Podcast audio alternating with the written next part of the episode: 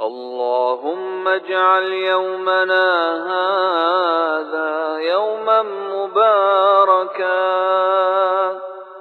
أوله صلاحا وأوسطه فلاحا وآخره نجاحا وعفوا وعتقا من النار.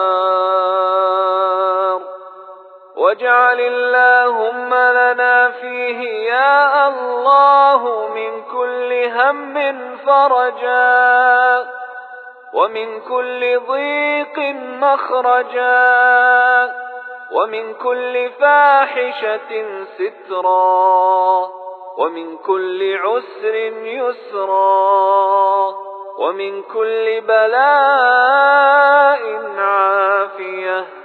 واكفنا يا الله من مهمات الدارين واصرف عنا شر المنزلين واغفر لنا ولوالدينا ولسائر